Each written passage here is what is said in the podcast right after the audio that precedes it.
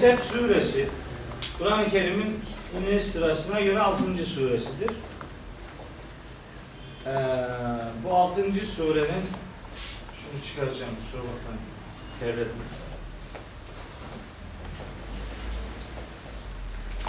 Altıncı suresidir. Fatiha'dan sonra indirilmiş, bütün halinde indirilmiş adını içindeki leheb kelimesinden veya sonundaki meset kelimesinden alan kısacık beş ayetlik bir suredir. Ama ama Kur'an'ın sanatsal içerikli en muhteşem ifade örneklerine sahip surelerinden biridir. Emin olun böyle. Şimdi bak tercüme, standart tercümeyi şey yapalım. Bakalım şimdi. Ne demiş mesela? Ebu Leheb'in kurusun, kurusu ya. Ebu Leheb'in iki eli de kurusun, Kurulu ya. tebbet kurusun. Ne kuruyacak? Yeda iki eli. Kimin? Ebi Leheb'in, Ebu Leheb. Ebu Leheb'in iki eli kurusun. Tamam. Ve tebbe kurudu da.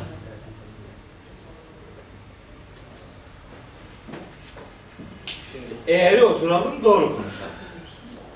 Kurudu mu? Kurudu mu eli? Bu sure indirildiği zaman ne zaman indirildi bu? Mekke'nin en başında. Yani 6. sure. Yani Ebu Leheb dimdik ayakta duruyor. Hiçbir şey olmamış. Mekke'yi yönetiyor. Mekke'yi koordine eden adam. Ne eli kurudu ne bir şey oldu adama. Ha bu kuruyacak demektir. Ha o zaman eğer o demekse o zaman başka işler devreye giriyor. Şimdi bir şey söyleyeyim size bak. Şu tebbet kelimesinin müennes olarak gelmesinin sebebi yani tebbe değil de tebbet diye şuradaki T şu yeda kelimesinden kaynaklanıyor. Yeda kelimesi müfret olmadığı için, tekil olmadığı için onunla ilgili amilin müennes getirilmesi kurallardan biridir. Onun için tebbet geldi. Yeda'dan dolayı. Yeda tekil bir anlam vermediği için. Tebbet gelmesinin sebebi bu.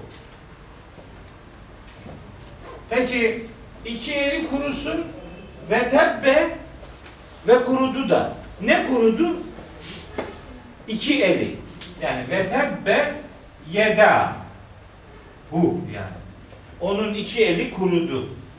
O zaman gene fail buysa bunun da tebbet olması lazım. Şunun. Bu nasıl tebbet ise bunun da tebbet olması lazım. Kural bu, kural. Keyfine değil bu. Ben istedim öyle oldu diyebileceğimiz türden bir şey değil. Bu tercüme yanlış. Yanlış bu tercüme. Sanki bu kitap havaya girmiş. Yani şöyle bir coğrafyaya gelmemiş. Sanki bir yerlerle ilişkili gelmemiş de böyle uyar uzayda dolaşıyor filan. E adam bunu e, kurumamış eli. Duruyor. Bedir Savaşı'ndan sonra adam kahrından öldü. Yani bu sure indikten aşağı yukarı 10 sene sonra adam öldü. Bir yanlış bir yanılgı daha size söyleyeyim. Ebu Leheb ne demek? Ebu Leheb kelimenin anlamı ateşin babası. Öyle mi? Ateşin babası. Ya da alev sahibi. Ebu Leheb o demek. Ateşin babası ya da alev sahibidir. Peki bu adama bu isim ne zaman verildi? Bu sure geldiği zaman deniyor. Bu da yanlış. Bu da yanlış. Çünkü Ebu Leheb'in adı asıl adı adamın asıl adı Abdül Uzza. Abdül Uzza bu adamın adı. Bu adamın yüzü parlak ya da biraz kı- kızılımsı bir e, yüzü varmış bu adamın. Kızıl yüzlü, parlak yüzlü Demek ki etrafındakilerden biraz değişik görüntüsü olan, parlak, etrafı etkileyebilen fiziksel görünümde bir adam. Kızıl bir adam, parlak bir adam, etkileyici bir adam. Onun için ona Ebu Leheb ta vakti zamanından beri öyle denilmiş. Bu sure indiği zaman değil, eskiden beri.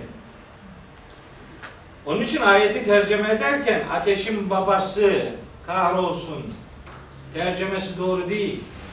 Ateşin babası değil burada maksat. Tebbet yeda ebi lehebin demek. O parlak yüzlü adamın parlak yüzlü adamın yedası kahrolsun. O yedanın ne olduğunu söyleyeceğim şimdi. Böyle kelimelere Kur'an'dan doğru dürüst yer bulmadan kafadan atmayla olmuyor. Demek bu Ebu Leheb ismi bir defa yeni bir isim değil. Bu adamın zaten ismi. Abdülüzza adının lakap olarak parlak yüzünden, kızıl kırmızı yüzünden kaynaklanan bir lakabı. Ebu Leheb. Ve bu, biz bunun kınama anlamında kullanıldığını zannediyoruz. Halbuki adamlar onu övmek için kullanıyorlar. Ebu Leheb parlak adam, yakışıklı adam, etkileyici adam, kırıl kızıl yüzlü adam filan gibi övü, övgü ifadesi bu. Yergi ifadesi değil. Şimdi Allahu Teala diyor ki kahrolsun. Ne kahrolacak? Yeda. Yed kelimesi ne demektir? İki el. Yed bir el, yedani iki el. İki eli kahrolsun. E acaba bu yed kelimesi Kur'an'da başka bir anlamda kullanılmıyor mu bu? Bu illa el anlamına mı geliyor? Bunun başka bir anlamı yok mu? Var. Var. Mesela ve sema'e beneynaha bi eydin. Biz göğü güçlü bir şekilde bina ettik. Zariyat 47. Eyd. Yed eyd. Onun çoğulu. Yedin çoğulu. Eyd. Eyd güç demektir. Yedin çoğulu olarak kullanılması şart değil. Kendi başına eyd güç demektir. Ve sema beneyna bi eydin. Biz göğü güçlü bir şekilde bina ettik. Güçlü işte sistemlerle bina ettik. Uzayı en güçlü şekilde kurduk, şekillendirdik demek. Güç anlamına geliyor şu yani. Güç anlamına geliyor.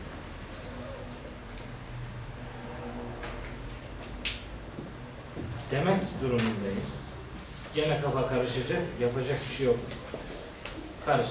Maide suresi 38. ayet. Hırsızlarla ilgili ceza var. Vessariku vessarikatu. Fakta'u eydiyehuma. Vessariku vessarikatu. Fakta'u eydiyehuma. Eydi. Hırsızlık yapan erkek ve kadının ellerini kesin. Bu eğer normal el olsa, şu, şu nesnel anlamda, fiziksel el anlamda bu böyle gelmeyecektir. Fakta'u yedeyhima olacak. İki ellerini demek. İki el demek olacak. Eğer nesnel el kastediliyor olsaydı böyle olacaktı bu. Bunun bir dili var yani. Bu böyle tahminle, yapıştırmayla olmuyor. Kuralı var bunun. Kelimelerin nasıl kullanıldığını bilmek lazım. Kullanıma göre mana kazanır bu. Yedeyhima değil de eydiyehuma, eyd kelimesi burada güç ve takat demek. Hırsızlıktan takatini kesin. Hırsızlık yapmalarını engelleyin. Hırsızlık güçleri ortadan kalksın. Eyd kelimesinin güç anlamı var. Takat anlamı var. Eyd kelimesinin bir anlamı da otoritedir. Otorite. Güç, otorite. Daha detaylandırabilecek şeylerim var. Malzemeler var ama çok uzatmak istemiyorum. Yani girersek kaldık burada. Geçeyim. Şimdi bakın buna güç manası yani verdiğiniz kesme olayı peygamberin zamanında bu olmadı. ayetten çıkmadı. Yani olmadı o zaman. Sonradan oldu. Yani bu ayet o demek değildir. Benim demek istediğim o. Diğer kısımlarıyla, rivayetlerle ilgilenmiyor. Hocam Evet. peki orada es-sariku ve es-sarik Tarık atı geçti. Yani iki Hı. kişiden bahsediyor. Onların hani dört tane eli olduğu için Yok şimdi bir bir, bir, bir anda bir kadın bir erkek ikisi aynı anda hırsızlık yaparlarsa demek değil o yani. Bir kadın- çoğul ifade olduğu için Yok hırsızlık yapan kadın ise de erkek ise de demektir. Bunun iki elini kesin demek. Eğer iki eli manası kastediliyor olsaydı yedeyhima olacak. Nesnel, fiziksel el kastediliyor olsaydı öyle olacak. Öyle değil. Güç, takat anlamına geliyor. Şimdi oradan dönelim bizim kendi yerimize. Burası başka bir, başka bir, başka bir yer burası. Kafanız karıştı, karıştı. Aksine hocam daha aydınlandı. Bence oturuyor da yerine yerine oturuyor. Şimdi bak ne olacak? Şimdi bakın ne olacak? Güç, takat, otorite manası verdik ki. Çünkü bu kelimenin Kur'an'daki anlamlarındandır bu güç, takat, otorite. O zaman manayı getirin buraya. Tebbet yeda ebi lehebin. Ebu Leheb'in gücü, gücü, takati, otoritesi, ihtişamı, etkisi, nüfuzu kahrolsun. Peki hocam niye tesliye kullanmış? Yani bir hem kendi güzelliği var adamın, hem ekonomik gücü var, hem siyasi gücü var. Yani iki tane çok önemli güç elinde. Hem idare elinde hem çok zengin bir adam adam. Muhtemelen hem ekonomik gücünü kastediyor, hem siyasi nüfuzunu kastediyor. Bu adamın hem gücü, otoritesi kahrolsun. Bu o parlak yüzlü adamın, o parlaklığı kahrolsun gücü, takati, otoritesi kahrolsun ve tebbe hem de kendi kahrolsun.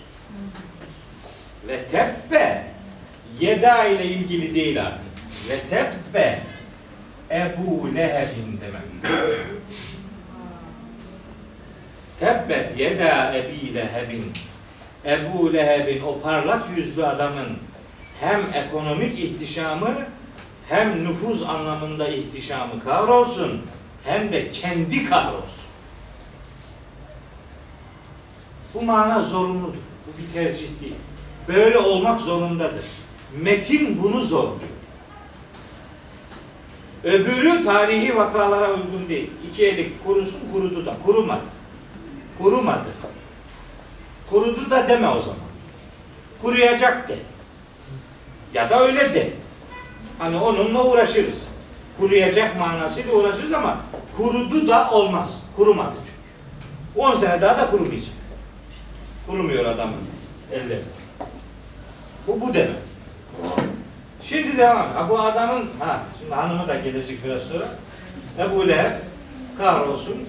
Otorite hepsi kahrolsun. Kahrolsun. Kendisi de kahrolsun. Şimdi bak. Ma'agna. Çok önemli bir ifade. Ma agna anhu maluhu ve ma kesem. Şimdi bu bizi sıkıntıya sokuyor bu mana. Burası. Yukarıdan kurtardık. Burada dert var şimdi. Ma agna anhu maluhu. Malı ondan bir şey gidermedi. Agna an, ganiye an gidermek demek, faydası faydası olmak demektir. Ma agna anhu maluhu. Malı ondan bir şey gidermedi. Malının ona bir katkısı olmadı ve makesebe ve kazandığının da. Mal ve kes mal muhtemelen tevarüsen, miras olarak atadan babadan kalan e, ekonomik değerlerdir. Kesep de adamın kendi kazandığıdır yani. Hem atadan gelenler hem kendi kazandığının ona bir faydası olmadı. Şimdi biz diyoruz ki bu olmadı. Egna mazi bir fiil. Olmadı. Olmadı olmayacak manasına alınabilir mi? Olmayacak manasına bunu almak için bir delilimiz olması lazım. Bir, bir şey bulmamız lazım. Öyle öyle kafamızdan bu mazi olsa bile bunu muzari olarak kabul edebiliriz diyemeyiz. Delil olacak. Bunun öncesindeki şu hitap kahrolsun ifadesi bir adamın halini ve istikbalini ilgilendirir. Dününü değil. Kahrolsun demek Yani bedbaht olsun. Bundan sonrası iyi olmasın.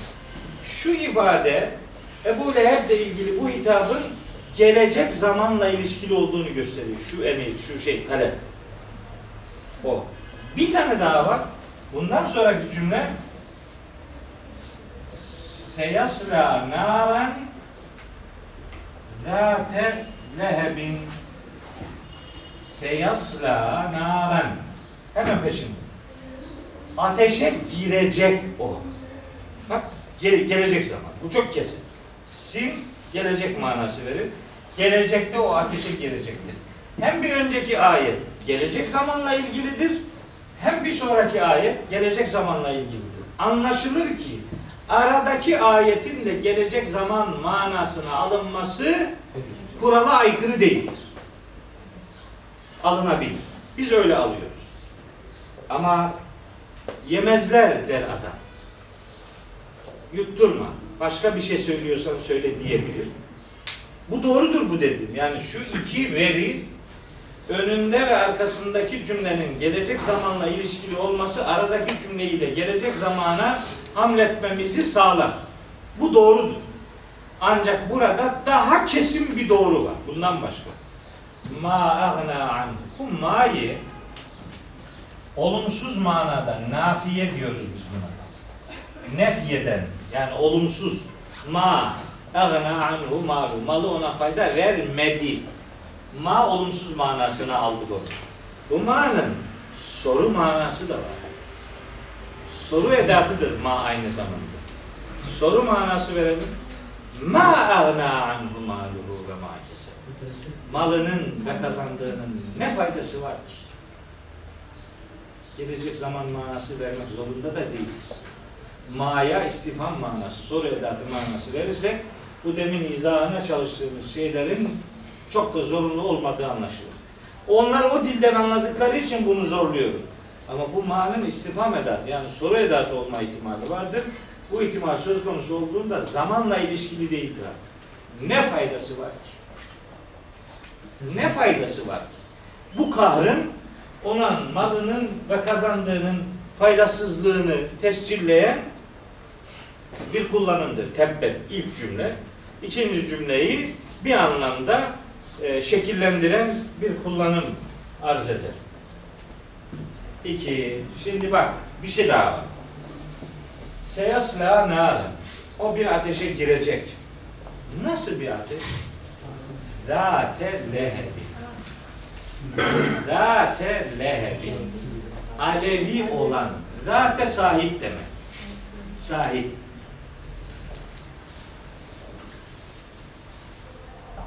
Zu zate sahip li demek yani Türkçedeki şöyle olan yani. Zate lehebin alevli alevi olan bir ateşi. Ne var bunda? Aa, çok şey var. Şurada leheb bir ihtişamı, bir övgüyü, bir güzelliği, bir otoriteyi, bir övüncü, bir ihtişamı ifade ederken Cenab-ı Hak aynı kelimeyi kendi manasında cehennemin sıfatı olarak kullanmıştır. Muhteşem bir gönderme vardır. Ebu Leheb'e ihtişam ifadesi nispet edenlere sizin o övdüğünüz, övgüye konu ettiğiniz kelimeler onun için ruzu mahşerde ateşinin niteliğine dönüşecektir. İşte o da alevli ateşe girecektir demektir. Kur'an'ı ağır ağır okumaya ne gerek var? Hızlı hızlı oku. Oku hızlı hızlı oku. Nasıl anlayacaksın bunları? Oku. Yarış yap. 3 saatte Kur'an'ı bitir. Hafızlık yarışmaları yap. Çabuk okuma. 10 cüzü en hızlı kim okuyacak? Bir kitap ne kadar hızlı okunursa o kadar az anlaşılır.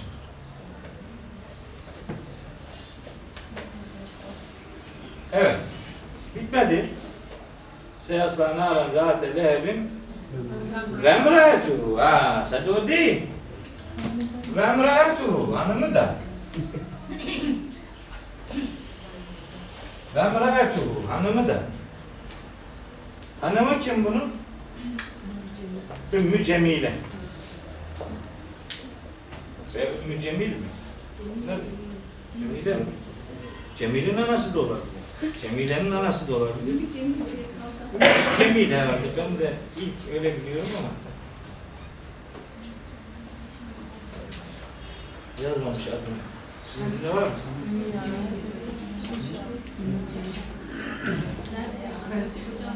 Evet, her neyse.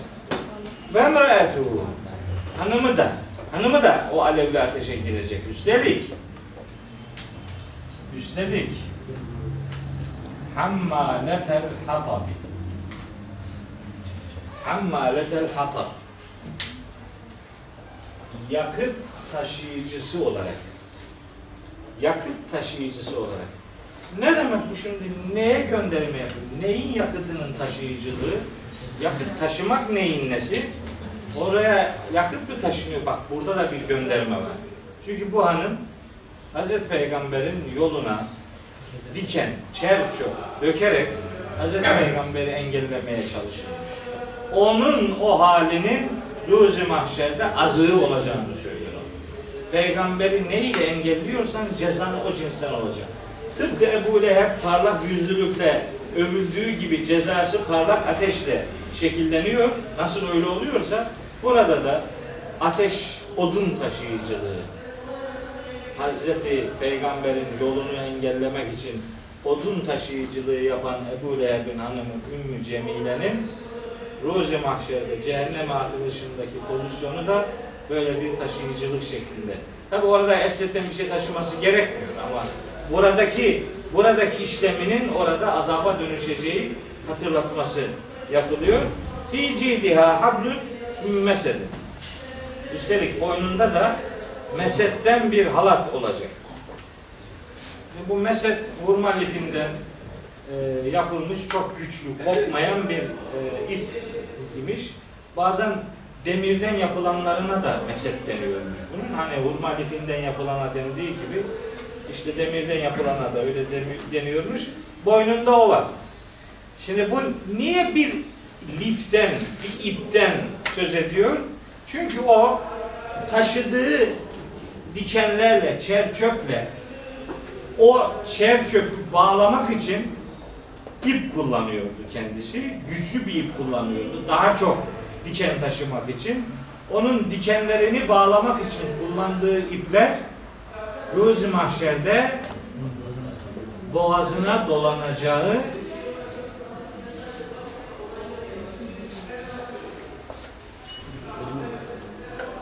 ne olacak?